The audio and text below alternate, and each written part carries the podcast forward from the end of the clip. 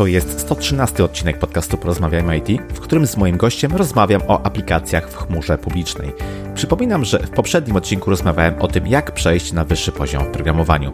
Wszystkie linki oraz transkrypcję dzisiejszej rozmowy znajdziesz pod adresem porozmawiajmyoit.pl łamane na 113. Ocena lub recenzja podcastu w Twojej aplikacji jest bardzo cenna, więc nie zapomnij poświęcić na to kilka minut.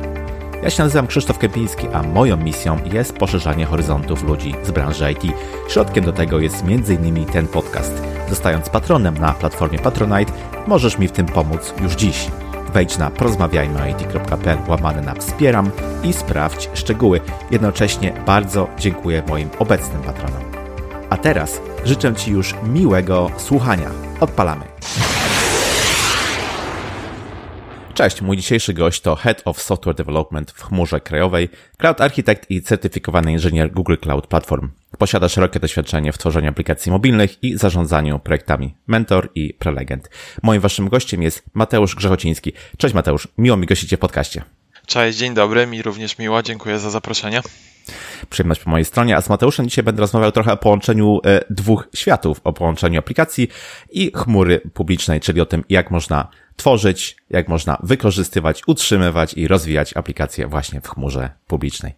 Ale standardowo rozpoczynam e, zawsze odcinek podcastu od pytania do mojego gościa. E, czy słuchasz Mateusz podcastów? Jeśli tak, to może masz jakieś swoje ulubione, którymi możesz się podzielić? U mnie pewnie jak u większości słuchaczy to wszystko przychodzi falami i zależy od e, czasu, ile, ile go posiadam. Ostatnio nie ukrywam, mam go e, dosyć mało, więc trochę tą praktykę zarzuciłem, natomiast e, faktycznie w przeszłości bardzo dużo słuchałem podcastów, e, głównie na temat e, tematyki mobilnej, bo tym się przez ostatnie długie, długie lata zajmowałem, więc takie podcasty jak Fragmented Podcast czy Android Developer Backstage to, to były takie mm, podcasty, które jakby każdy, każdy odcinek musiałem przesłuchać, bo były dla mnie bardzo ciekawe. Teraz z racji moich e, ostatniej historii i niejako takiej trochę zmiany mm, obszaru zainteresowań i działania, no, no, głównie słucham oficjalnego podcastu Google Clouda, mhm. Mm, jak też Google e, Kubernetes e, podcast to, to, to z takich e, anglojęzycznych, również anglojęzyczny, aczkolwiek z polskiej sceny, bo, bo prowadzony przez mojego e, dobrego kolegę z dawnych czasów zawodowych, Tomka Nurkiewicza. On prowadzi taki fajny podcast w, w 256 sekund o, tak. e, o różnych technologiach, różnych buzzwordach ze świata IT. Fajna formuła, bo, bo jak sam mówi, podczas mycia zębów można posłuchać i, i on stara się to jakby wytłumaczyć. Nie, nie trzeba dużo czasu na to poświęcać, także polecam. Dokładnie, krótko zwięźlej na temat. E, czy tak z tego co słyszę, to w sumie podcasty jakąś mają znaczącą, powiedziałbym, rolę, jeśli chodzi o zdobywanie wiedzy z twojej e, strony. Gdzieś, gdzieś e, słuchasz namiętnie, można powiedzieć. Tak, to zdecydowanie. Kiedyś, kiedyś to bardzo dużo miałem kontaktu z konferencjami, występowałem na tych konferencjach i jeździłem, słuchałem, oglądałem, stąd głównie czerpałem wiedzę z kontaktów zdobytych mhm. też na tych konferencjach, bo to, bo to jest głównie też wartość z uczestniczenia, z uczestniczenia w tych konferencjach. Natomiast no, oczywiście teraz z wiadomych względów to, to wszystko się troszeczkę zatrzymało. Konferencje online'owe mm, to nie jest już to samo w mojej ocenie, więc e, faktycznie trochę ten, e, ten ruch i ta mm, chęć zdobywania wiedzy mm, przes, przesunęła się w stronę faktycznie podcastów bądź jakichś wideo blogów, czy, czy, czy jakichś materiałów, które gdzieś tam szkoleniowych, które są wrzucane na YouTube. Mhm. Okej, okay, rozumiem. W tym wstępie, kiedy Cię przedstawiałem, mówiłem, że w chmurze krajowej prowadzisz e, dział software developmentu. Zastanawiam się, czy w takiej firmie, która, no co by nie było, działa w obszarze chmury, e, dział rozwoju oprogramowania jest potrzebny, jest niezbędny. Zastanawiam się, jakiego typu projekty software'owe realizujecie, czy to są tylko wewnętrzne, czy też może uzupełniacie w jakiś e, sposób też usługi świadczone dla właśnie klientów zewnętrznych usługami software'owymi. Tak, to jest dosyć ciekawa historia. My też e, tak sądziliśmy. Jak ja przychodziłem dwa lata e, temu do pracy, to przychodziłem jako cloud architekt, który mm, po prostu będzie pomagał e, klientom w transformacji ich biznesu do chmury. Mhm. Szybko się okazało, wtedy nie mieliśmy jako takiego zespołu zajmującego się software developmentem. Szybko się okazało, że nasi klienci nie tylko potrzebują fachowej wiedzy i platformy i, i, i, wiedzy, jak się na tą platformę przenieść, ale też czasami przychodzą do nas z jakimś konkretnym pomysłem. To znaczy nasz zespół i jakby taka zmiana organizacyjna w firmie y, powstała tak naprawdę z realnej potrzeby, z potrzeby tego, że przychodziły do nas zapytania y, ofertowe, przychodzili do nas y, klienci, którzy nie chcieli po prostu kupić 10 sztuk maszyn wirtualnych i, i ileś terabajtów storage'u, tylko chcieli po prostu zrealizować swój pomysł na biznes i potrzebowali zrobić to szybko, potrzebowali szybko coś e, zwalidować, sprawdzić, e, zbudować coś, co się będzie dobrze skalować no, mówiąc wprost, wykorzystać wszystkie zalety e, chmury, więc my faktycznie w sierpniu zeszłego roku powołaliśmy mm, taką nową jednostkę w firmie, która zajmuje się praktykę, bo tak, bo tak to nazywamy, praktykę wytwarzania oprogramowania. Mhm. Dzielimy się na takie różne praktyki.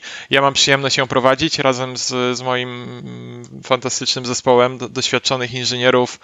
E, no, zajmujemy się pisaniem, e, tworzeniem oprogramowania na zamówienie dla naszych klientów E, przy czym z definicji to, to to oprogramowanie jest uruchamiane w chmurze. Tak? Jakby mhm. Naszym celem jest oczywiście mm, jakby zaspokojenie potrzeb klienta i zrealizowanie, zrealizowanie jego, jego celu, ale droga do tego celu wiedzie przez chmurę, bo wierzymy, że to jest, e, że to jest najbardziej jakby optymalny model e, tworzenia i dostarczania oprogramowania. Tworzymy też oczywiście własne produkty.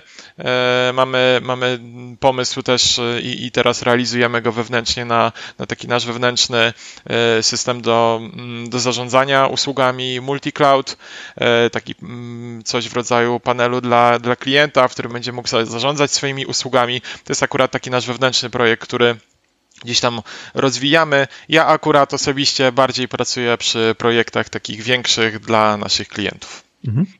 To może właśnie porozmawiajmy chwilę o tym rozwoju programowania, bo masz, e, no, co by nie było, mocny background związany właśnie z, z software developmentem, ale z drugiej strony znalazłem też e, na Twoim LinkedInie informacje o licznych certyfikatach, e, głównie Google Cloud.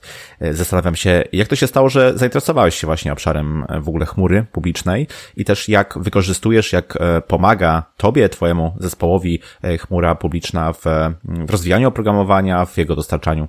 Ja całe zawodowe życie, czyli już teraz będzie około 15 lat, byłem programistą. Kiedyś backendowym, potem jak pojawiły się pierwsze aplikacje mobilne, to jakoś tak mnie pociągnęła ta myśl, że mogę to, co piszę i to, co robię, nosić cały czas przy sobie i mieć, hmm. mieć to w telefonie, e, więc zająłem się głównie aplikacjami mobilnymi. Z czasem razem z moimi zespołami zacząłem budować no, jakieś takie rozpoznawalne dosyć duże produkty w kraju, jedną z topowych aplikacji bankowości mobilnej, e, czy aplikację mobilną dla jednego z większych e-commerce'ów tutaj, tutaj u nas w Polsce.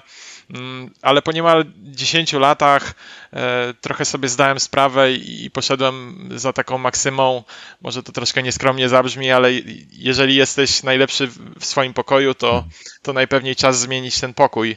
I dwa lata temu pojawiła się szansa na taką sporą zmianę, inwestycje w siebie, e, jakby pójście za jakąś taką nową rewolucją, która wydaje się, że miała nadejść i, i nadchodzi, e, czyli przejście na stronę mm, właśnie tą bardziej związaną z technologiami e, chmurowymi. Najlepszą drogą, bo oczywiście miałem jakieś tam doświadczenie z tym związane i, i samego Google Clouda też wcześniej troszeczkę korzystałem. Natomiast no, wiadomo, że jak chce się tą wiedzę zgłębić, to trzeba sobie znaleźć jakąś y, motywację. No i dla mnie najlepszą drogą y, do nauki i motywacją były, były faktycznie certyfikacje i egzaminy. Y, materiałów szkoleniowych jest, jest tak dużo, są tak o, łatwo dostępne, y, że, że to przygotowanie do egzaminów y, i jakby wchłonięcie sporo teorii, a potem możliwość takiego takiego utrwalenia e, tej wiedzy w praktyce na prawdziwych projektach, a po drodze taka mm, możliwość takiej no, gratyfikacji w formie po prostu tego tytułu na dwa lata jest, jest nie ukrywam, czymś takim no, przyjemnym i, i dającym, dającym motywację. E, czemu Google Cloud? Akurat no jest tych graczy głównych na rynku, wiadomo, trzech. Od czegoś e, trzeba zacząć. My jako chmura krajowa jesteśmy strategicznym partnerem e, Google i, ma, i Microsoftu. Ja wyznaję taką zasadę, że lepiej uczyć się czegoś tak na poziomie eksperckim jednego i w tym się faktycznie dobrze wyszkolić i dopiero poszerzać swoje horyzonty niż tak E, mówiąc mhm. kolokwialnie, łapiać wszystkie sroki za ogon. E, więc ja akurat e, w przeszłości zajmowałem się bardzo dużo Androidem, też właśnie wyznając tą zasadę, że wolę być ekspertem od Androida niż po prostu mm, programistą mobilnym, który potrafi, zna oba te systemy. Na Androidzie tak często i szybko się wszystko zmieniało, że ostatecznie nawet te 10 lat mi nie starczyło na to, żeby zająć się kiedykolwiek na poważnie iOS-em. Mm, I tutaj y, trochę się obawiam, że będzie podobnie, bo, bo tempo rozwoju mhm. Google Clouda i tego, jak się tam wszystko zmienia, jest naprawdę, naprawdę imponujące. Ale bliżej mi było po prostu do technologii Google'owych. Wydaje mi się też, że, że Google Cloud jest po prostu taki bardzo przyjazny osobom o moim profilu, czyli programistą. Mhm. Bardzo dobra dokumentacja, taka łatwo przyswajalna, przyswajalna mnóstwo materiałów szkoleniowych, e, coś, co się nazywa Quick Labs, czyli, czyli taka platforma, gdzie możesz po prostu eksperymentować ze środowiskiem bez mhm. żadnych większych konsekwencji. Są gotowe scenariusze, które możesz sobie ćwiczyć, e, testować. Jest, jest w tej platformie i w całym tym ekosystemie jakaś taka łatwość w przyswajaniu tej wiedzy.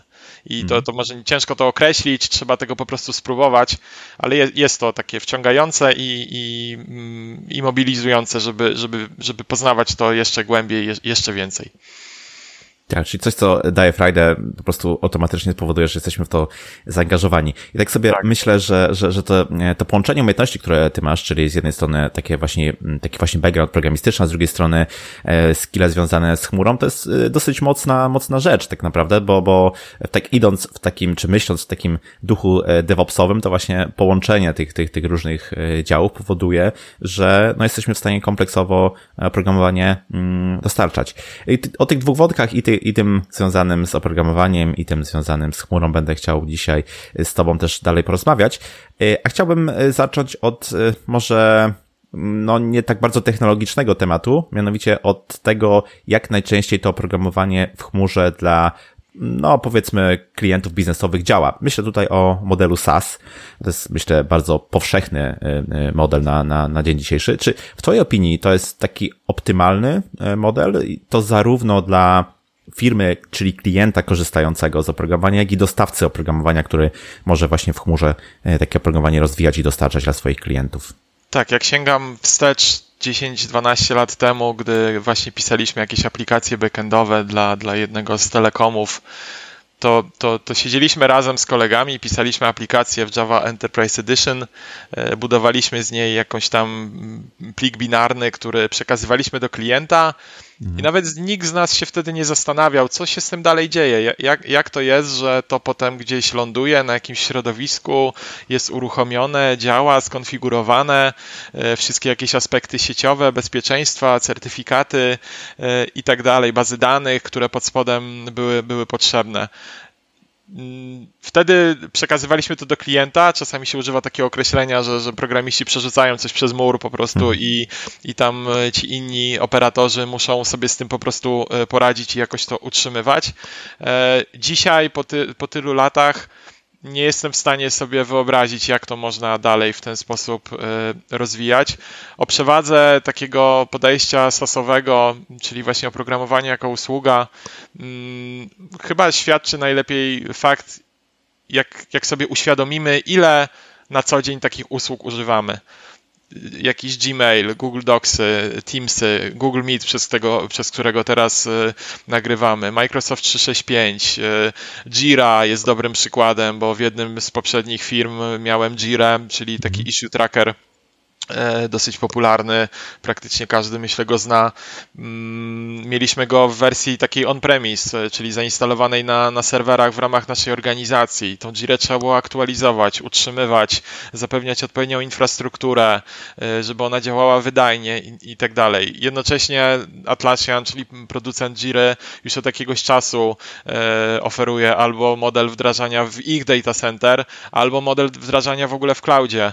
I, i wtedy jakby my po prostu płacimy subskrypcję, mamy takie oprogramowanie jako usługa i wszelkie te, te problemy z nas są zdejmowane. I, i, i znowu chyba o, o przewadze takiego podejścia świadczy akurat w przypadku Atlassiana w ogóle fakt, że oni już jakiś czas temu mm, ogłosili y, koniec takiej Jiry on-prem i, i narzędzi on-prem i, i tego, że, że po prostu wszystkie te narzędzia będzie można uruchamiać albo w ich data center, albo w cloudzie. Mm, w SASie jest fajne to, że, mm, że ten, kto potrzebuje ten software, po prostu może skupić się na swoim pomyśle. Znaczy on się świetnie będzie sprawdzał tam, gdzie mm, mamy pomysł na biznes i chcemy po prostu zapłacić e, jakieś pieniądze za to, żeby ktoś nam taką usługę gotową dostarczył. Nie chcemy inwestować w infrastrukturę, w zespoły do utrzymywania tej infrastruktury e, i tych wszystkich usług, z których będziemy korzystać moim zdaniem SaaS w ogóle idzie z, z, w zgodzie z takim światowym chyba trendem, jaki w ogóle dzisiaj w życiu obserwujemy, że na subskrypcję, tak? Dzisiaj mhm. wszystko jest na subskrypcję. Mamy subskrypcję na, na dietę pudełkową, mamy subskrypcję na, na samochód, tak? Najem długoterminowy, mamy e, subskrypcję na jakąś wymianę telefonu komórkowego po iluś miesiącach e, jego używania. Płacisz, e, nic ma cię nie więcej nie interesować niż mhm. to, co ta usługa jakby dla ciebie robi. Jest jakiś zespół pod spodem wyspecjalizowanych osób, które tą usługę, e, czy to właśnie właśnie w obszarze IT czy jakimś innym po prostu ci dostarczają. Z drugiej strony, odpowiadając na, ten, na, na tą część pytania dotyczącą perspektywy dostawcy, dla mnie, jako takiej osoby, która razem z zespołem dostarcza taki software w modelu SaaS-owym, bo my, bo my głównie w takim modelu jakby ten, ten software dostarczamy, to jest też e, mm, szereg zalet, bo jeżeli my możemy wziąć odpowiedzialność za całość rozwiązania i posiadać wszelkie narzędzia do realizacji e, tej usługi, e, to, to, to jest dla nas takie bardziej efektywne, bardziej komfortowe i, i też zwyczajnie mm, przynosi więcej satysfakcji ludziom, którzy to rozwijają. No bo traktują niejako ten, to, to coś jako takie trochę swoje dziecko, tak? które cały mhm. czas rozwijają, utrzymują, pielęgnują, e, doglądają i, i patrzy, jak ono rośnie. Mm, a w takim modelu, gdzie my po prostu coś piszemy, przekazujemy, klient to sobie u, uruchamia, utrzymuje, wdraża, no to to jest właśnie takie, takie trochę porzucenie tych, tych wszystkich mhm. zalet i, i, i czasami jest zwyczajnie przykro. Oczywiście ten model sosowy nie zawsze też jest możliwy, tak? W szczególności jeżeli rynek jest jakoś bardzo uregulowany i, i, nie można w ten sposób działać, że, że software jest gdzieś uruchomiony w chmurze, chociaż to się ostatnio na szczęście zmienia i też jakby moja organizacja powstała między innymi po to, żeby, te, żeby ten świat troszeczkę i to postrzeganie odczarowywać. No ale oczywiście jakby nie, nie zawsze to wszystko tak różowo wygląda, że możemy, możemy absolutnie każdy software w takim trybie sosowym dostarczyć, aczkolwiek no ja już tak podsumowując widzę w tym naprawdę bardzo, bardzo dużo zalet z obu perspektyw. Myślę sobie, że jest taki jeden doskonały e, wabik zarówno dla biznesu, jak i dla działów rozwijających, e, utrzymujących oprogramowanie, mianowicie obietnica skalowalności, jeśli chodzi o chmurę i właśnie aplikacje w niej e, działające. No, w tym dzisiejszym naszym globalnym internecie nigdy nie wiadomo, kiedy przyjdzie jakaś e, fala e, użytkowników, którzy będą chcieli z oprogramowania, które my rozwijamy, skorzystać. Popatrzmy, popatrzmy sobie na jakieś sklepy w modelu e-commerce czy portale rządowe. W związku z tym chciałbym Cię zapytać, jakie możliwości właśnie skalowania daje nam chmura, w szczególności powiedzmy Google Cloud. Akurat te dwa przykłady, czy też obszary, które wymieniłeś, czyli, czyli e-commerce i, i, jakieś portale rządowe, to są takie obszary, w których faktycznie mam praktyczne doświadczenie z mhm. jednym i, i z drugim. W e-commerce jedną z najtrudniejszych dat jest zawsze tak zwany Black Friday, tak? Mhm.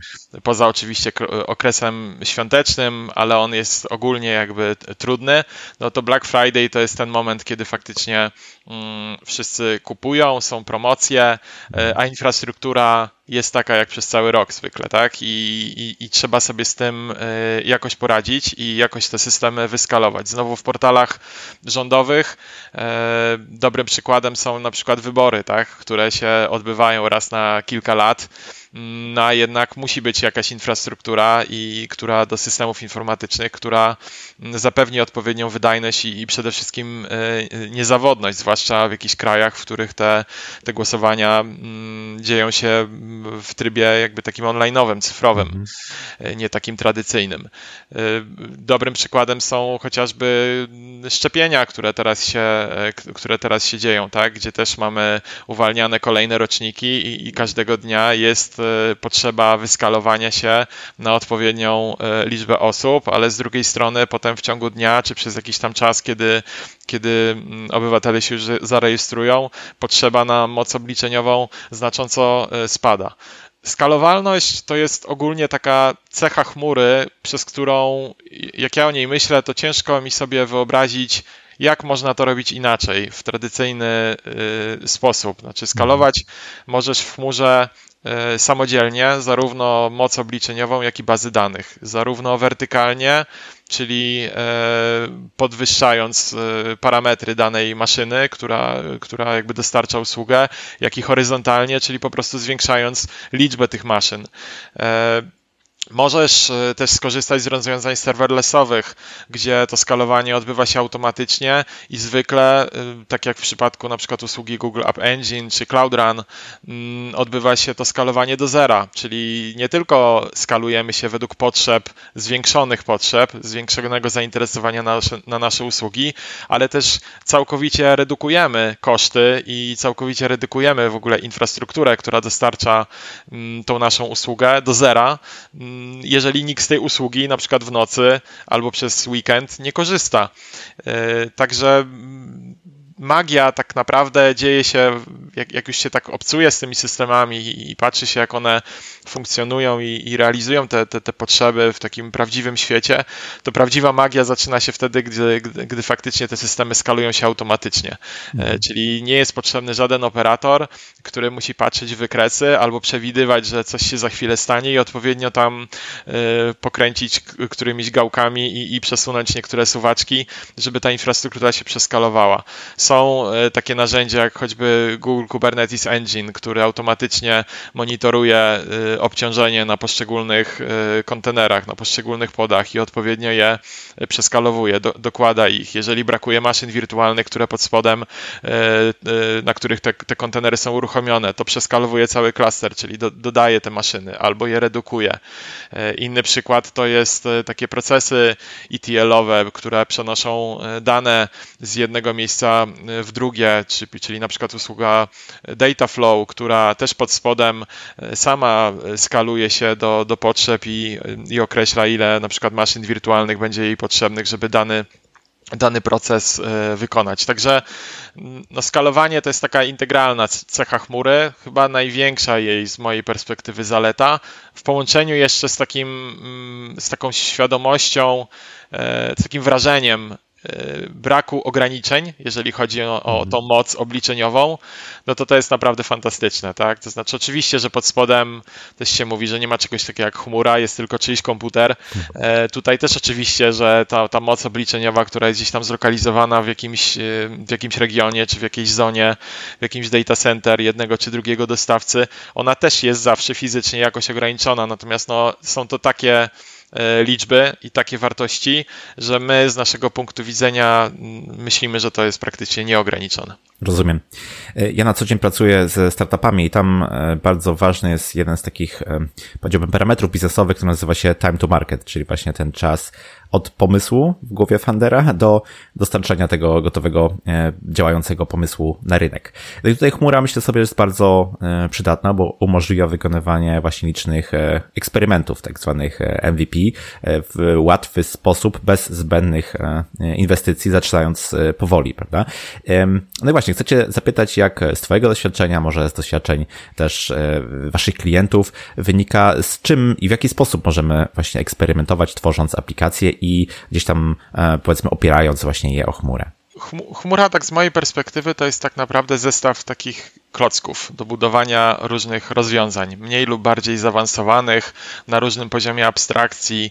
Niektóre z tych usług, z tych klocków to są jakieś e, podstawowe komponenty infrastruktury sieciowej czy, czy mocy obliczeniowej. Inne to są gotowe usługi e, wysokiego poziomu do, nie wiem, rozpoznawania obrazów, tak, czy, czy przetwarzania mowy na tekst. Y, gotowe tego typu usługi. I teraz, jeżeli zaczynasz eksperymentować, to tak naprawdę trochę się czujesz, jakbyś budował właśnie coś z klocków Lego. Cała umiejętność i cała trudność polega na tym, mm, żeby mieć wiedzę, jak to wszystko ze sobą połączyć, co ze sobą zadziała, co nie zadziała, jakie będą koszty, e, jakie są poszczególne mm, jakby parametry tych usług.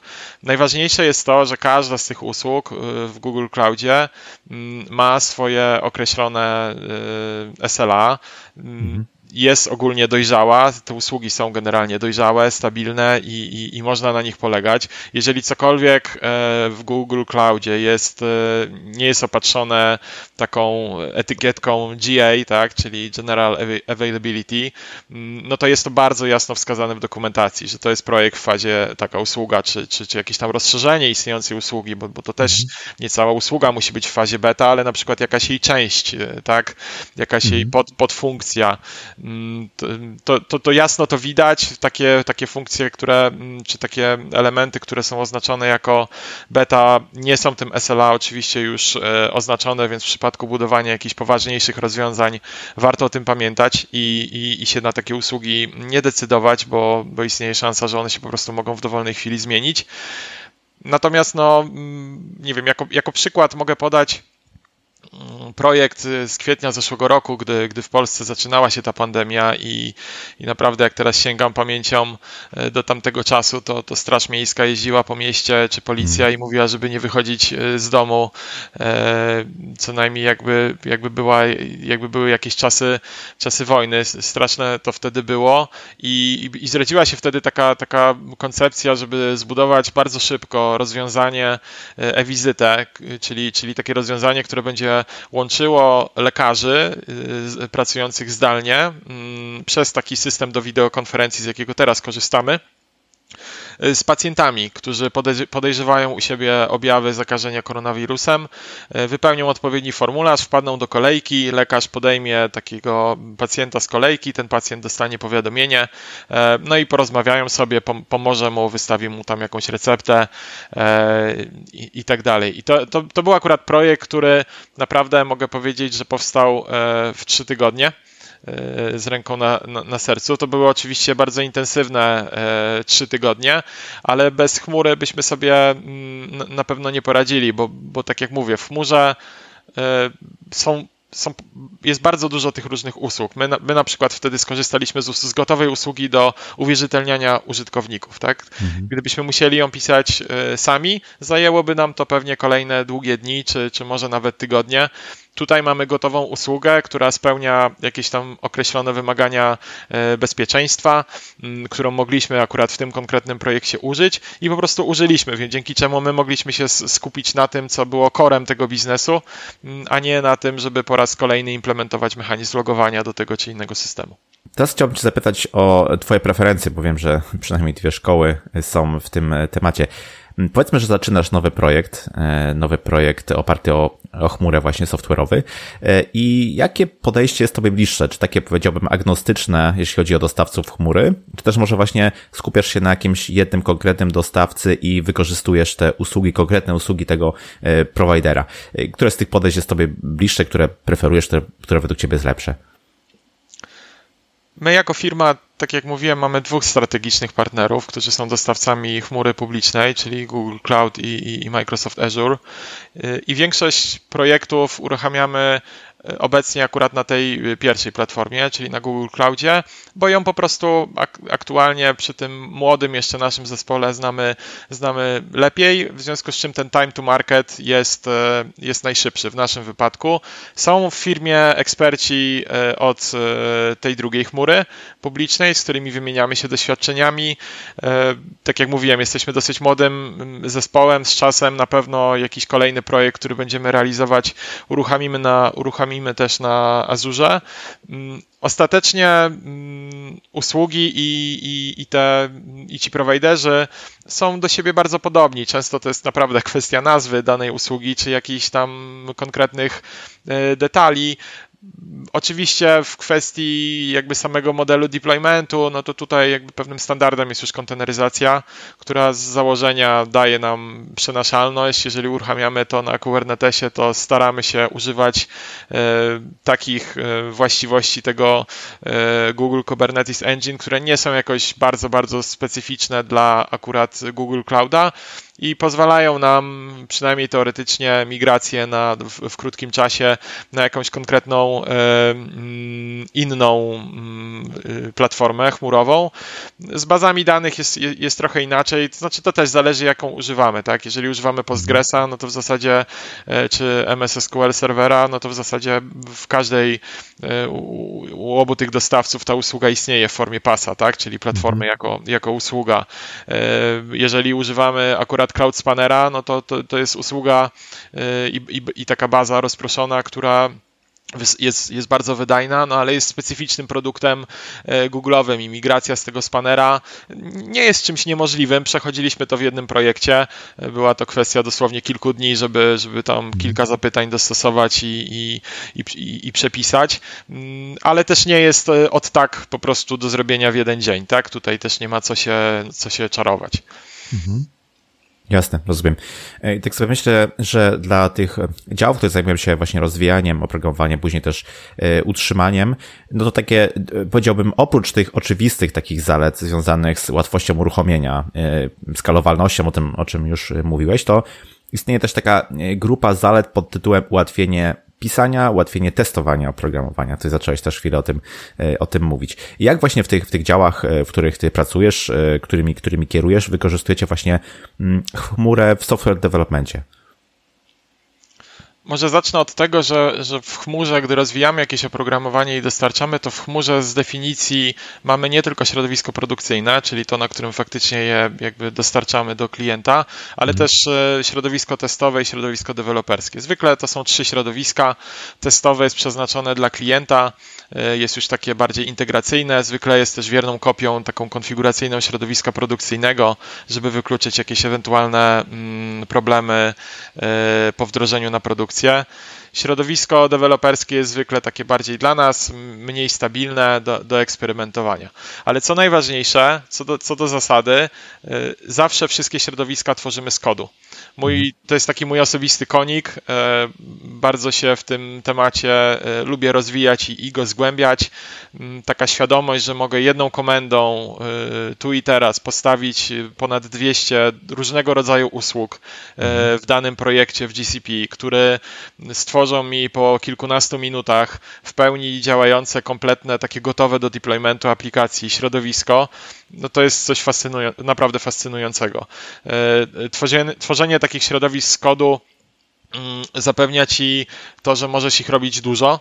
Mm, mhm. W zasadzie nie, w nieograniczonej liczbie, jeżeli chodzi o zasoby chmury, tak jak, już, tak jak już mówiliśmy, ale dla mnie, co ważniejsze, zapewnia nam też taką niezaprzeczalność i, i, i, taką e, homogeniczność tych środowisk. To znaczy, jeżeli one są tworzone dokładnie z tej samej definicji, dokładnie z tego samego kodu, no to my praktycznie nie spotykamy się z takimi problemami, e, że jakieś błędy wynikają z tego, że nie wiem, load balancer jest źle skonfigurowany na środowisku testowym, inaczej niż na środowisku produkcyjnym i w związku z tym coś, co działało na teście, nie działa na produkcji. Jakby to jest, to jest po prostu fizycznie niemożliwe. My tą mhm. infrastrukturę w kodzie wzmacniamy też sobie podejściem e, GitOps, czyli u nas wszelkie zmiany do infrastruktury traktujemy jako zmiany do takiego prawdziwego kodu biznesowego naszej aplikacji, to znaczy podlegają one praktyce code review, ktoś z kolegów przegląda tą zmianę, dyskutuje dyskutujemy o tej zmianie, wersjonujemy ją, y, podlega ona audytowi, wiemy co kiedy się zmieniło, w jakiej wersji. Mm, możemy kontrolować propagację tych zmian, czyli mieć część zmian wdrożonych już na środowisku deweloperskim, a część zmian y, jeszcze oczekujących y, i niewdrożonych właśnie na środowisku testowym. Także to, to, to jest pierwsza rzecz. Taka infrastruktura w kodzie mm, na mhm. pewno się przydaje do rozwoju oprogramowania. Mm, druga rzecz to jest to, że w chmurze trzymamy też sam kod źródłowy, czyli znowu mhm. traktujemy Gita jako usługę, nie musimy go utrzymywać, e, rozwijać, mm, upgrade'ować, tylko po prostu mamy do tego gotową usługę. W chmurze też mamy nasze procesy CI/CD, czyli Continuous Integration, Continuous Delivery czy Continuous Deployment. E, nikt się nie przejmuje zbyt małą wydajnością serwera do budowania aplikacji. Po prostu powołujemy swojego runnera, maszynę, która e, jest o dowolnej mocy, w zasadzie znowu nieograniczonej. Mhm. Ograniczają nas jedynie koszty po prostu takiej maszyny i musimy to jakoś, e, jakoś kontrolować. Także no, nie tylko to środowisko produkcyjne i już ten końcowy efekt, ale też ten taki zwykły warsztat programistyczny mhm. też naprawdę bardzo dużo czerpię z tego, że aplikacja jest tworzona w środowisku chmurowym. Mhm. No i przypuszczam, że całe testowanie też odbywa się właśnie na tych środowiskach powoływanych e, za pomocą chociażby tego kodu opisującego infrastrukturę, tak jak, tak jak tak, powiedziałeś. Tak, tak, oczywiście. Mhm. E, tutaj wcześniej mówiłeś o takich doświadczeniach i myślę, że wiele słuchaczy też się pod tym e, podpisze, że no kiedyś to programiści gdyby skupiali się na tym, żeby faktycznie ten kod e, produkować, natomiast mniej jak byli zainteresowani, czy mniej mieli wiedzę, jak to się dzieje, że ten kod później na przysłowiowej produkcji działa. No i to jest takie y, oczywiste, wydaje się, że, że gdyby stworzenie aplikacji i uruchomienie to jest, to jest jedno, a to jest tak naprawdę dopiero pierwszy krok. Nie? Trzeba później tę aplikację utrzymywać, trzeba w jakiś sposób ją e, monitorować, sprawdzać, czy nie ma tam jakichś incydentów e, bezpieczeństwa. Czy tutaj chmura też oferuje jakieś możliwości, jakieś, jakieś rozwiązania, czy w Google Cloud mamy coś, co nam ułatwia właśnie takie utrzymanie aplikacji? E, tak, jak najbardziej. To w ogóle cały temat monitoringu i takiego zapewnienia jakości i, dostępności usług to jest mój kolejny konik. Hmm. Zaraz po tej infrastrukturze w kodzie, w tym, w tym obszarze w ogóle Google Cloud mam, mam wrażenie, że, mm, że dosyć mocno błyszczy. E, w poprzedniej firmie miałem taki dział operatorów, u których w pokoju było więcej monitorów niż ich samych mhm. tam siedziało. Zawsze się, czułem jakąś taką ekscytację z tego, jak, jak, jak tam wchodziłem do nich o czymś, o czymś porozmawiać e, i widziałem na tych wykresach ten taki właśnie żywy, żywy organizm, e, nad którym każdego dnia tam dziesiątki ludzi z całego naszego departamentu rozwoju e, oprogramowania pracowały, to, to, to oni widzieli to na, na, na, na monitorach, kiedy się ten ruch zwiększył zwiększa, kiedy spada. E, to, to jest naprawdę takie fajne zwieńczenie tej, tej, tej pracy, móc to na żywo tak jakby mm, obserwować.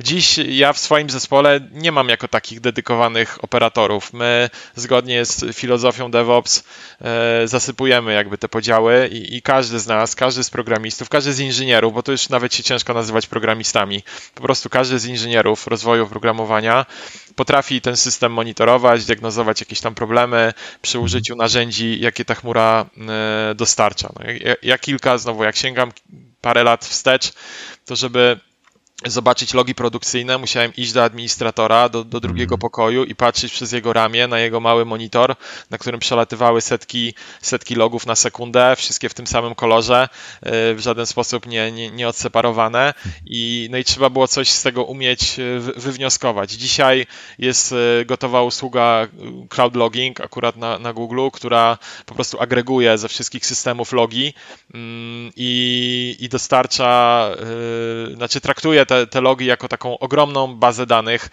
y, taki ogromny zbiór, który można po prostu dowolnie przeszukiwać, pisząc y, mm, dowolne, dowolne tak naprawdę zapytania. Na tych logach możesz potem robić metryki, czyli na przykład ile y, wystąpiło logów, które spełniły dane kryterium wyszukiwania w jednostce czasu, albo jaka jest średnia wartość z jakiegoś tam mm, z jakiegoś tam loga, który, który się wyświetla typu opóźnienie, tak? Możesz wyrażeniem regularnym wydobyć z tego loga tą wartość i ją jakby monitorować. Na tych metrykach możesz sobie potem zrobić wykresy mm, i w takiej usłudze Cloud Monitoring właśnie układać je w dashboardy i je prezentować. Mm, możesz też przy pomocy tego Cloud Monitoringu na tych metrykach zrobić dowolne alerty. Poza takim zwykłym, mm, najbardziej domyślnym i oczywistą formą e, reagowania na alert, czyli, czyli powiadomieniem na, na Slacku, czy, czy e-mailowym, czy SMS-owym, e, możesz, możesz też stworzyć jakieś, wyemitować sobie jakieś zdarzenie i zapiąć się na tym zdarzeniu, mhm. dzięki czemu możesz na przykład stworzyć taki mechanizm, że jeżeli twoja baza danych, CPU na bazie danych wzrosła do jakiegoś poziomu i utrzymuje się przez, ten, przez, przez jakiś czas na tym poziomie, no to możesz wy, wygenerować zdarzenie, które odbierze jakaś inna usługa, która przez API tej bazy danych przeskaluje tą bazę danych e, na większą wertykalnie, e, aby, aby na chwilę po prostu e, tą, aby na chwilę tą nadwyżkę ruchu obsłużyć i, i, tą, i tą wartość CPU obniżyć. Fascynujące jest to, że dzisiaj mamy do dyspozycji jakby takie gotowe narzędzia, które umożliwiają nam rzeczy, które kilka lat temu dla takiego zwykłego programisty były po prostu abstrakcyjne, tak? Znaczy, w ogóle się tym nie przejmowaliśmy, w ogóle jakby ufaliśmy, że ktoś o to zadba i że ktoś to, ktoś to zrobi, a w przypadku, gdy się pojawiały jakieś problemy, no to następowała taka e, naturalna mini wojna y, i czy, czyja to wina, tak, i kto jest y, odpowiedzialny za, za naprawę jakiegoś tam problemu. Incydenty bezpieczeństwa, bo o nie też pytałeś, i monitoring bezpieczeństwa, i w ogóle aspekt bezpieczeństwa, y, zwłaszcza w, tutaj w GCP to jest chyba temat na osobny podcast. Tutaj moglibyśmy bez problemu zrobić osobny odcinek. Dość powiedzieć, że no nie wiem, w naszej pracy standardem jest to, że wykonanie zapytania na produkcyjnej bazie danych, odczytanie jakichś secretów e, z, e, z jakiegoś tam Volta czy, czy, czy, czy Security Managera, czy uruchomienie maszyny wirtualnej na produkcji jest natychmiast zgłaszane do odpowiedniego SIEMA. Jest, są, mamy taki dział operatorów w firmie po prostu poza już moim zespołem, który który monitoruje tego SIEMA i, i jakby ci ludzie od razu weryfikują, czy nie są to jakieś tam działania, e, działania niepożąda, niepożądane i musimy jakby autoryzować sobie, sobie takie dostępy. Także no Google jest, e, też się, też się o tym dużo mówi, tak, że jakby dostawcy chmur publicznych nie mogą sobie pozwolić na, na to, żeby były jakiekolwiek incydenty bezpieczeństwa, tak, u mhm. nich, bo to oznacza w zasadzie koniec danej platformy chmurowej, więc ja, ja osobiście jako osoba, która na co dzień dużo, dużo z tej chmury korzysta. Mogę powiedzieć wszystkim słuchaczom, którzy gdzieś tam będą zaczynać przygodę, że to, że coś czasami nie działa, na 99% wynika z tego, że po prostu nie ma uprawnień, albo jest coś nie tak e, z rolami e, lub tego typu rzeczami. Ten, ten mechanizm, nie pamiętam już teraz konkretnej liczby, ale w, w Google Cloudzie jest bodajże 3000 różnego rodzaju uprawnień do różnych rzeczy. Osobnym uprawnieniem jest uprawnienie do startu maszyny wirtualnej, osobnym uprawnieniem jest uprawnienie do zatrzymania maszyny wirtualnej. Tak? Te uprawnienia można, można agregować w role role można przypisywać do konkretnych osób albo do konkretnych grup. Elastyczność tych rozwiązań jest tak duża, że tak jak mówię, moglibyśmy o tym jeszcze bardzo, bardzo długo rozmawiać. Mhm. Tutaj wspomniałeś chwilę o e, tej pandemii, która wiele rzeczy przyspieszyła, wiele rzeczy wymusiła. Jedną z takich rzeczy było między innymi przejście e, wielu firm na działalność online, na działalność tylko online. No i dla tych firm niedostępność w sieci jest po prostu czymś, co się nie może też wydarzyć, bo to po prostu oznacza, że taka firma realnie e, nie działa. Czy w tych rozwiązaniach chmurowych, które, które znasz, mamy jakieś konkretne mechanizmy, które pozwalają nam na zwiększenie albo wręcz zagwarantowanie być może niezawodności właśnie tych e, aplikacji, które są w chmurze e, uruchamiane, tak, tak żeby to no nie wymagało tego osobnego działu monitoringu, o którym tu mówiłeś i takiej osobnej, e, osobnej grupy ludzi, która na bieżąco cały czas sprawdza stan powiedzmy aplikacji. Jasne. Zacznijmy może od tego, że w Google Cloudzie każda usługa ma bardzo jasno określoną gwarancję swojej dostępności. Jest tylko jedna usługa, Cloud DNS, która jako jedyna posiada dostępność na poziomie 100%. To znaczy mhm. Google e, określa, że jeżeli ta usługa nie będzie działać i zostaną tam spełnione jakieś warunki, no to zgodnie z tym SLA-em jakby klient może upomnieć się o jakieś e, zadośćuczynienie e, finansowe, jeżeli ta usługa e, nie spełni tej, tej dostępności. Inne usługi to są zwykle 3 dziewiątki, 4 dziewiątki, 5 dziewiątek i, i tak dalej, więc zawsze istnieje jakieś ryzyko, że któryś z komponentów będzie niedostępny. Jakby, no tak jak mówiliśmy, to, to nie ma czegoś takiego jak chmura, tak? To, to mhm. też gdzieś jest jakaś infrastruktura od czegoś zależna, ona jest y, zwykle redundantna, natomiast no, zawsze jakieś awarie mogą wystąpić. Google bardzo mm, transparentnie informuje o, o takich incydentach.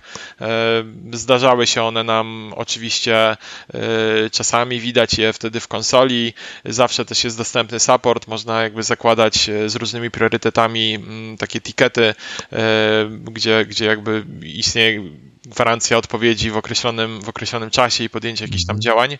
E, z doświadczenia takiego kluczowego projektu, nad którym teraz e, pracujemy i który działa kilka miesięcy, mm, nic szczególnego się przez te kilka miesięcy nie dzieje, żeby nie powiedzieć, że, e, że, że w ogóle nie mieliśmy żadnych jakichś takich problemów związanych z samą infrastrukturą chmurową. Kluczowa jest przede wszystkim odpowiednia architektura tego naszego rozwiązania. To jest właśnie powód, dla którego my polecamy swoje usługi klientom, dla którego my w ogóle jakby istniejemy, no bo wiemy, jak ułożyć tą architekturę aplikacji i całego tego rozwiązania, aby była ona możliwie odporna Mm, na ewentualne awarie po stronie, e, po stronie dostawcy. Usługi w zależności od typu, o czym mówimy, są albo zonalne, czyli takie strefowe, albo regionalne, albo nawet multiregionalne. Tak? Ze względu na lokalizację przyjmuje się, że zniknięcie danej strefy, danej zony jest możliwe, wskutek jakiejś tam katastrofy, e, nie wiem, wybuchu, czy, czy, czy jakiegoś tam no, totalnego pożaru jakiegoś data mhm. center, tak? Natomiast e, zniknięcie całego regionu, w skład którego wchodzi, wchodzą zwykle trzy albo czasami nawet cztery zony, no to jest coś, co by już musiało oznaczać jakiś naprawdę potężny atak, e, nie wiem, militarny, czy jakąś mhm. ogromną katastrofę naturalną. Mm, I nawet wtedy zostają nam usługi multiregionalne, czyli redundantne względem regionów, to znaczy znaczy możemy mieć usługę, która jest powołana na przykład teraz w nowym regionie w Warszawie, jakiś mhm. storage, ale równolegle y, ten sam storage i te pliki, które y, na nim się znajdują, są redundantne w, y, w innym regionie, na przykład w Holandii, czy, czy, czy, czy w Londynie, czy gdzieś w ogóle na innym kontynencie. Także architektura umiejętność dopasowania usług w zależności od tego, jak bardzo ten system ma być dostępny. E, kluczowy jest na pewno ten monitoring, wszelkie health checki, uptime checki, alerty, że e, nie, nie tylko takie, że nie ma zdarzeń niepożądanych, ale też alerty o tym, że nie ma zdarzeń pożądanych tak? Mhm. Czyli, że w systemie nic się z jakiegoś powodu nie dzieje, nie ma żadnego ruchu, to, to niekoniecznie jest dobra, dobra oznaka. Także to wszystko można sobie tworzyć właśnie w tej usłudze Cloud Monitoring, o której, o której wspominałem. E, dla przykładu, brak odpowiedzi z jakiegoś tam health checka, e, który cyklicznie odpytuje usługę backendową na load balancerze, no automatycznie przełącza ruch e, do innej usługi, jeżeli, jeżeli tej odpowiedzi brakuje. To, to, się dzieje, to się dzieje całkowicie bezobsługowo. My nawet nie musimy tego jakoś szczególnie po prostu monitorować. OK, rozmawialiśmy trochę o, powiedziałbym, technikaliach, ale jeśli chodzi o działanie aplikacji w chmurze, no to tam też jest ta część e, finansowa po prostu, tak? Coraz częściej gdzieś pojawia się takie określenie jak FinOps, czyli różne, powiedziałbym, optymalizacje, czy różne, różne w ogóle aspekty monitorowania tego, ile nas tak naprawdę ta chmura e, kosztuje. Doskonale zdajemy sobie sprawę, że oczywiście rozwiązania chmurowe mogą nam znacząco e, obniżyć koszty, ale jeśli nie wiemy, co robimy, no to może to zadziałać wręcz, e, wręcz odwrotnie. E, jak, jak to wygląda właśnie w Google Cloud? Czy, czy są jakieś mechanizmy do tego, żeby trzymać koszty pod kontrolą? Jak najbardziej tak. Koszty oczywiście mogą poszybować do niebotycznych czasami rozmiarów i warto to e, kontrolować. Dla przykładu podstawowa maszyna taka w, w regionie tym nowym w Warszawie, która no, tam ma jakieś dwa, dwa procesory i, i tam około nie wiem, 6-7 GB RAMu i kosztuje tam 32 dolary miesięcznie około 30 dolarów miesięcznie.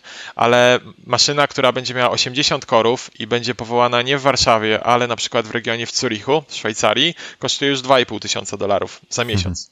No i teraz e, wystarczy, że powołamy sobie taką maszynę i zapomnimy ją e, wyłączyć na kilkanaście dni, czy na cały miesiąc, no i faktycznie to, to, tą, tą fakturę e, otrzymamy. Także mm, to był tylko przykład akurat z obszaru Google Compute Engine, czyli tak, takiego, takiej najbardziej powiedzmy surowej infrastruktury maszyn wirtualnych, sieci i tak dalej, ale tak z mojego doświadczenia najbardziej, mm, mówiąc kolokwialnie, popłynąć w kosztach można z narzędziami do machine learningu, trenowanie modeli, hostowanie ich jest e, dosyć kosztowne, ale też warto podkreślić, że infrastruktura, która pod spodem jest wykorzystywana, jest naprawdę wyjątkowo potężna i to w jakim czasie te modele są przeliczane, jak, e, jak szybko to wszystko potem e, działa, no to po prostu musimy za to odpowiednio zapłacić. Ale są też różne techniki, jak to jak to optymalizować. E, my mamy u nas w firmie też praktykę data, e, data AI i, i jakby tam koledzy się specjalizują w, ty, w tych tematach. Jak kontrolować te koszty? No jest szereg narzędzi. Przede wszystkim to dobrze jest umieć e, na początku tak troszeczkę oszacować w ogóle, ile to wszystko będzie kosztować. I bardzo fajna jest też ta, taka ta filozofia Google'a takiej transparentności w tym obszarze, to znaczy istnieje takie narzędzie ogólnodostępne, darmowe w internecie, jak Google Pricing Calculator. I tam po prostu możemy sobie wyklikać naszą infrastrukturę, powiedzieć, jakie będziemy mieli maszyny, jaką bazę danych, przez jaki czas, jaki klaser Kubernetesa, jak, jak, jak często używany, App Engine, i, i, i ile czasu będzie się skalował do zera, a ile instancji będzie, będzie żyło w jakim czasie. I to wszystko jest zbierane szereg parametrów, jak określimy, to to jest oczywiście zawsze przy, jakaś tylko estymacja, jak, jakieś przybliżenie, natomiast no daje to jakiś ogólny pogląd, ile nas dana usługa będzie kosztować. Warto pamiętać o tym, że zwykle nie zamykamy się na jednym środowisku, tylko na kilku, mm. więc trzeba sobie te koszty czasami, no nie zawsze dokładnie tak samo przemnożyć, bo, bo, bo środowisko deweloperskie zwykle może być trochę, trochę mniejsze niż produkcyjne, testowe, to akurat zawsze staramy się, żeby było takie samo jak produkcyjne. Mm. Natomiast e, no warto umieć to oszacować. Druga rzecz, umieć to monitorować.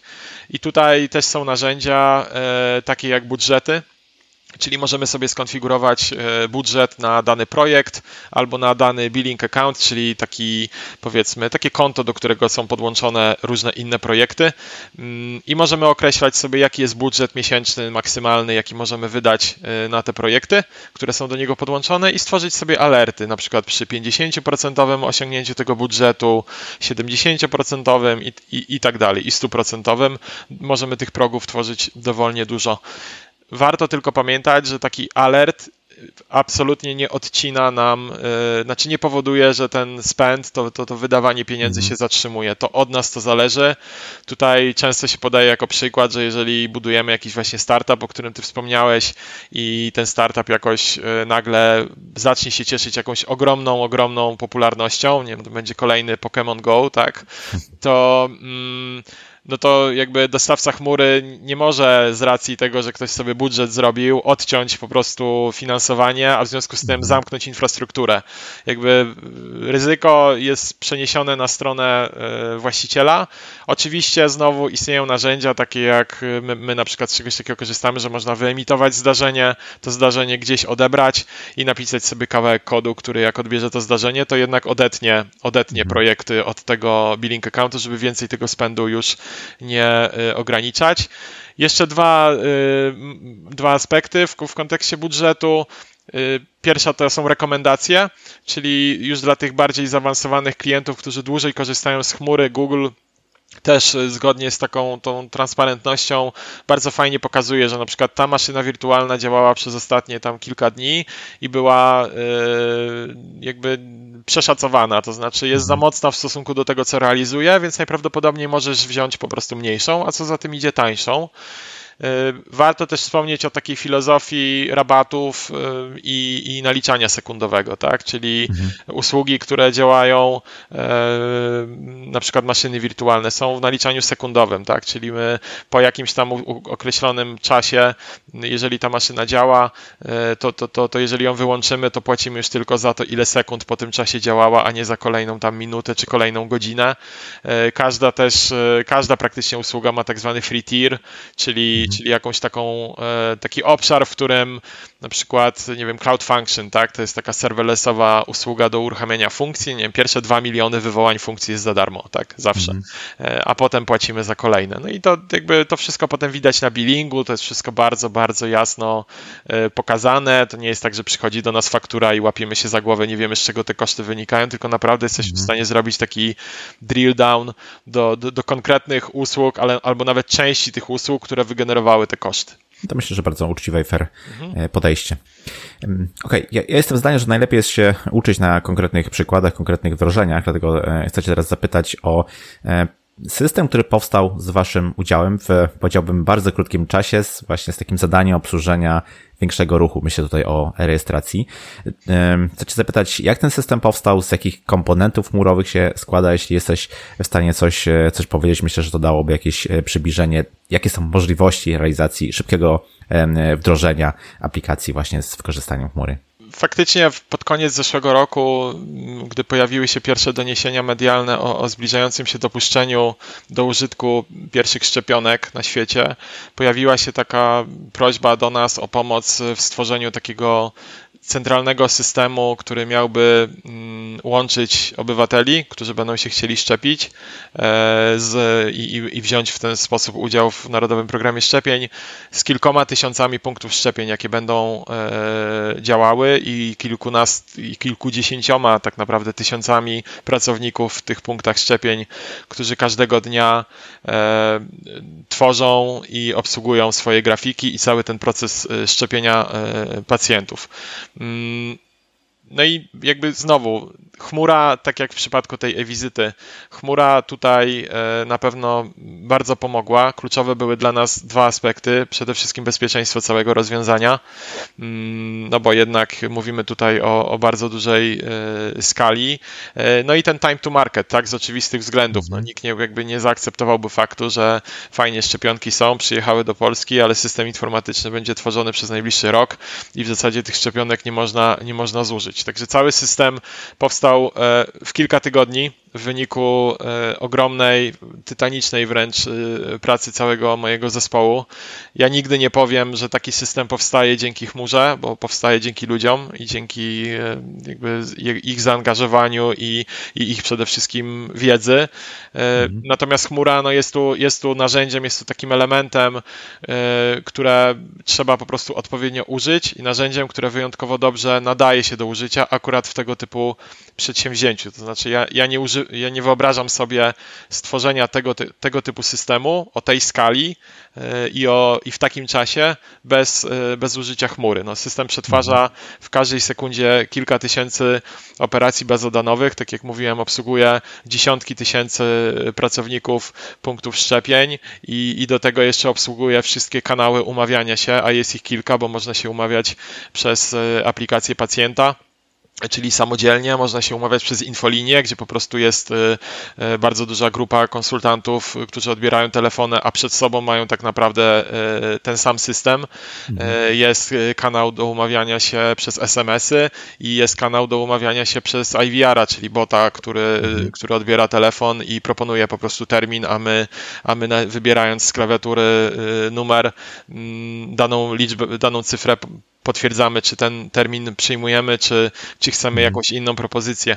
Także, e, no ja oczywiście nie mogę mówić tutaj o szczegółach technicznych tego przedsięwzięcia, natomiast mhm. e, no, jest to, jest to fajne wyzwanie i, i, i, bardzo się cieszę, że, że przypadł nam jakby zaszczyt i możliwość e, rozwijania tego, e, tego, tego systemu, bo, bo skala jest faktycznie mm, dla nas wszystkich e, bardzo imponująca i, i, i taka no, też motywująca do, do, tego, żeby naprawdę przejść i przejść i przeprowadzić jakby cały w sumie kraj przez ten program szczepień jakąś suchą stopą. Tak, no bardzo potrzebna, niezbędna wręcz rzecz i też no, stworzona w rekordowo krótkim czasie, więc to też pokazuje możliwości, po prostu możliwości narzędzi, e, które gdzieś pod spodem stoją, ale no, co by nie było, to jednak jest e, praca, to jednak jest e, taka, taka, takie zaangażowanie, codzienne zaangażowanie w rozwój tych, tych systemów. Nie, tak jak powiedziałeś, nie możemy powiedzieć, że to chmura e, coś za nas zrealizuje, to jest, to jest jak każde inne narzędzie i to od nas zależy,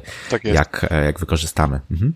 Znaczy, tak w takiej codziennej pracy, albo mm, powiedzmy w projektach, które realizujesz dla, dla klientów, coś cię szczególnie zaskoczyło, jeśli chodzi o, o Google Cloud? Nie wiem, czegoś się może na przykład nie spodziewałeś, może jakieś szczególne zastosowanie, które gdzieś tam ci utkwiło e, w pamięci? Zaskoczyły mnie na pewno dwie rzeczy. Pierwsza to jest taki efekt skali, zwłaszcza gdy opuściłem ten, ten świat aplikacji mobilnych, który jednak mm. jest trochę hermetyczny. Człowiek jakby przez cały dzień patrzy się w ten telefon, klika po ekranie, testuje te aplikacje, cieszy się nimi, ale trochę nie ma, nie ma takiego bezpośredniego wrażenia, y, ile jest tam tej infrastruktury pod spodem backendowej, która wystawia te wszystkie usługi dla tej aplikacji mobilnej. I, i w Google Cloudzie jakby na każdym kroku operując tą konsolą, czy, czy, czy z tym Terraformem, stawiając tą, tą, stawiając tą infrastrukturę w kodzie, e, na każdym kroku się jakby przekonujemy, jak olbrzymia jest ta skala. Dla przykładu podam, że w ramach regionu istnieje limit 24 procesorów, domyślny taki limit, 24 procesorów w maszynach wirtualnych, jakie powołujemy. Czyli no, możemy dowolną konfigurację stworzyć, ale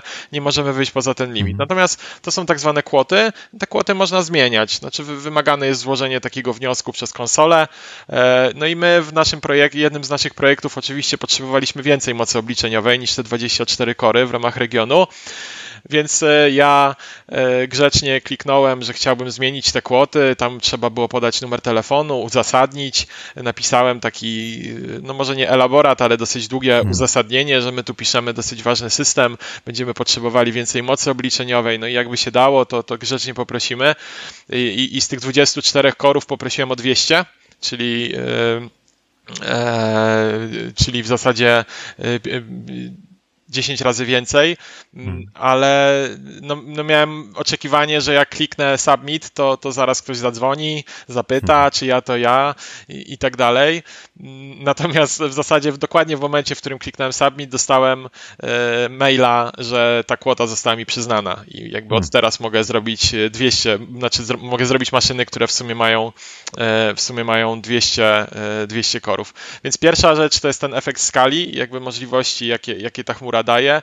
Druga to jest ten pricing. Już trochę sobie o tym, o tym mówiliśmy, ale y, w sumie jestem zaskoczony, y, że jeżeli jest robiona ta architektura z, z głową, to dosyć niski jest, y, niskie są te koszty w stosunku do tego, ile tak naprawdę kosztuje prąd, klimatyzacja, serwery, ludzie. My, my często tak w rozmowach z klientami jakby spotykamy się z takim no, naturalnym sposobem porównywania, że no, a to ile to w tej chmurze będzie kosztować? No tyle, o, no to, no to drogo, mhm. tak? No bo my to mamy u nas, to tam jeden, jedna osoba siedzi, tam dogląda i to wszystko działa. No ale jakby zebrać wszystko właśnie tak razem, całą infrastrukturę, koszty utrzymania tej infrastruktury, wynajęcia podłogi w serwerowni, y, zapłacenia rachunku za prąd, za klimaty- jakby serwisu klimatyzacji i tak dalej, i tak dalej, to, no to się okazuje, że to, że to naprawdę e, nie są już aż tak duże pieniądze. I fajna jest też taka ta zwykła uczciwość i, i, i transparentność, tak jak mówiłem o tych rekomendacjach, e, że, że jakby Google też po prostu pokazuje, że można coś robić e, taniej niż, mhm. niż obecnie mamy to zasetapowane. Także to z takich rzeczy, które mnie zaskoczyły, z rzeczy, które mm, widziałem jakieś nietypowe zastosowanie, bo też o to pytałeś. Mhm. Mm, chwilę o tym teraz myślałem wydaje mi się, że taki rynek bardzo regulowany, na przykład finansowy w Polsce, gdzie wymagana jest jakaś zgodność, z, znaczy nie jakaś, zgodność z, z tak zwanym komunikatem KNF-u. E, mhm. Ja mam osobiste doświadczenia z wdrażania projektów, w którym dane musiały być szyfrowane kluczem dostarczanym z zewnątrz, e, w którym komunikacja między systemami musiała się odbywać e, jakimś tam bezpiecznym kanałem, w którym były pewne rygorystyczne wymogi bezpieczeństwa, a jednak udało się taki projekt wdrożyć i I to, to nie powinno brzmieć jako coś nietypowego, jako nietypowe zastosowanie chmury, tylko wręcz właśnie typowe, za, mhm. mam nadzieję, za, za, za, za, za w ciągu najbliższych lat.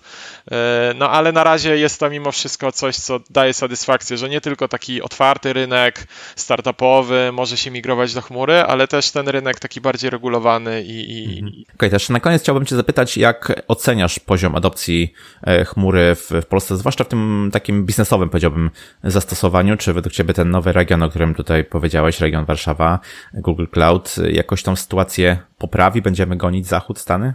Ja nie ukrywam, że ta wizja powstania regionu w Warszawie była jednym z takich dosyć kluczowych czynników, dla którego ja zmieniłem trochę kierunek swojej kariery i zająłem się mhm. tematyką chmurową i po 10 latach odszedłem z zajmowania się aplikacjami mobilnymi y, i, i rozwojem, rozwojem tychże aplikacji z perspektywy teraz tych e, kilku lat pracy, no dwóch lat pracy w, w chmurze i zajmowania się tak każdego dnia e, chmurą, zwłaszcza Google Cloudem, Chciałbym teraz móc się cofnąć e, czasami do tych miejsc, w których byłem e, i pracowałem, e, ale być tam z tym obecnym doświadczeniem i z tą obecną wiedzą, aby, aby wprowadzać jakby takie praktyki używania tej chmury i, i stopniową migrację tych wszystkich rozwiązań, bo naprawdę widzę w tym bardzo, bardzo dużo zalet, a jednocześnie znam te problemy, jakie, jakie były w tych organizacjach, w których pracowałem.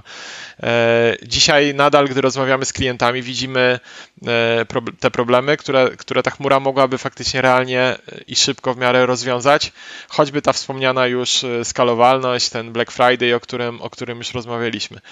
Ja osobiście myślę, że nie ma odwrotu i ta rewolucja chmurowa to po tej rewolucji mobilnej, czyli, czyli, czyli która się przetoczyła no już te, te dobre kilka lat temu, to, to jest taka kolejna rewolucja i kolejna taka fala, która się przetoczy przez, przez Polskę i świat. My oczywiście e, jesteśmy jako, jako rynek, jako Polska troszeczkę z tyłu, aczkolwiek ostatnie wskaźniki pokazują, że, że to się rusza, że firmy coraz częściej m, mm, jakby przenoszą te swoje workloady do chmury.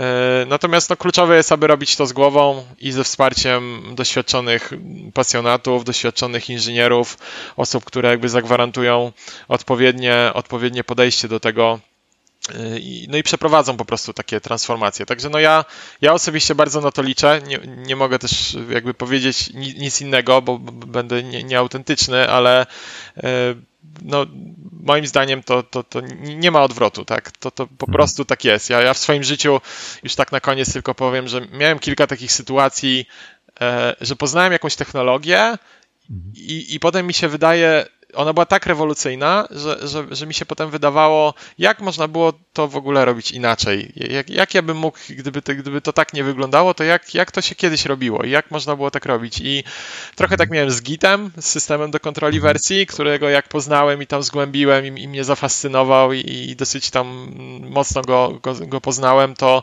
to też sobie zacząłem przypominać, jak w ogóle można było rozwijać oprogramowanie bez Gita wcześniej na innych systemach kontroli wersji. I teraz trochę tak czuję, że, że zbliżam się do takiego wniosku z chmurą. To znaczy każdy taki kolejny projekt, który który działa, który możemy monitorować, który możemy skalować, który możemy tam dowolnie dostosowywać do naszych potrzeb e, i do potrzeb przede wszystkim naszych klientów, mm, no to każdy taki projekt doprowadza mnie właśnie do takiego chyba podobnego wniosku i podobnego stwierdzenia, że no to nie, chyba nie ma odwrotu.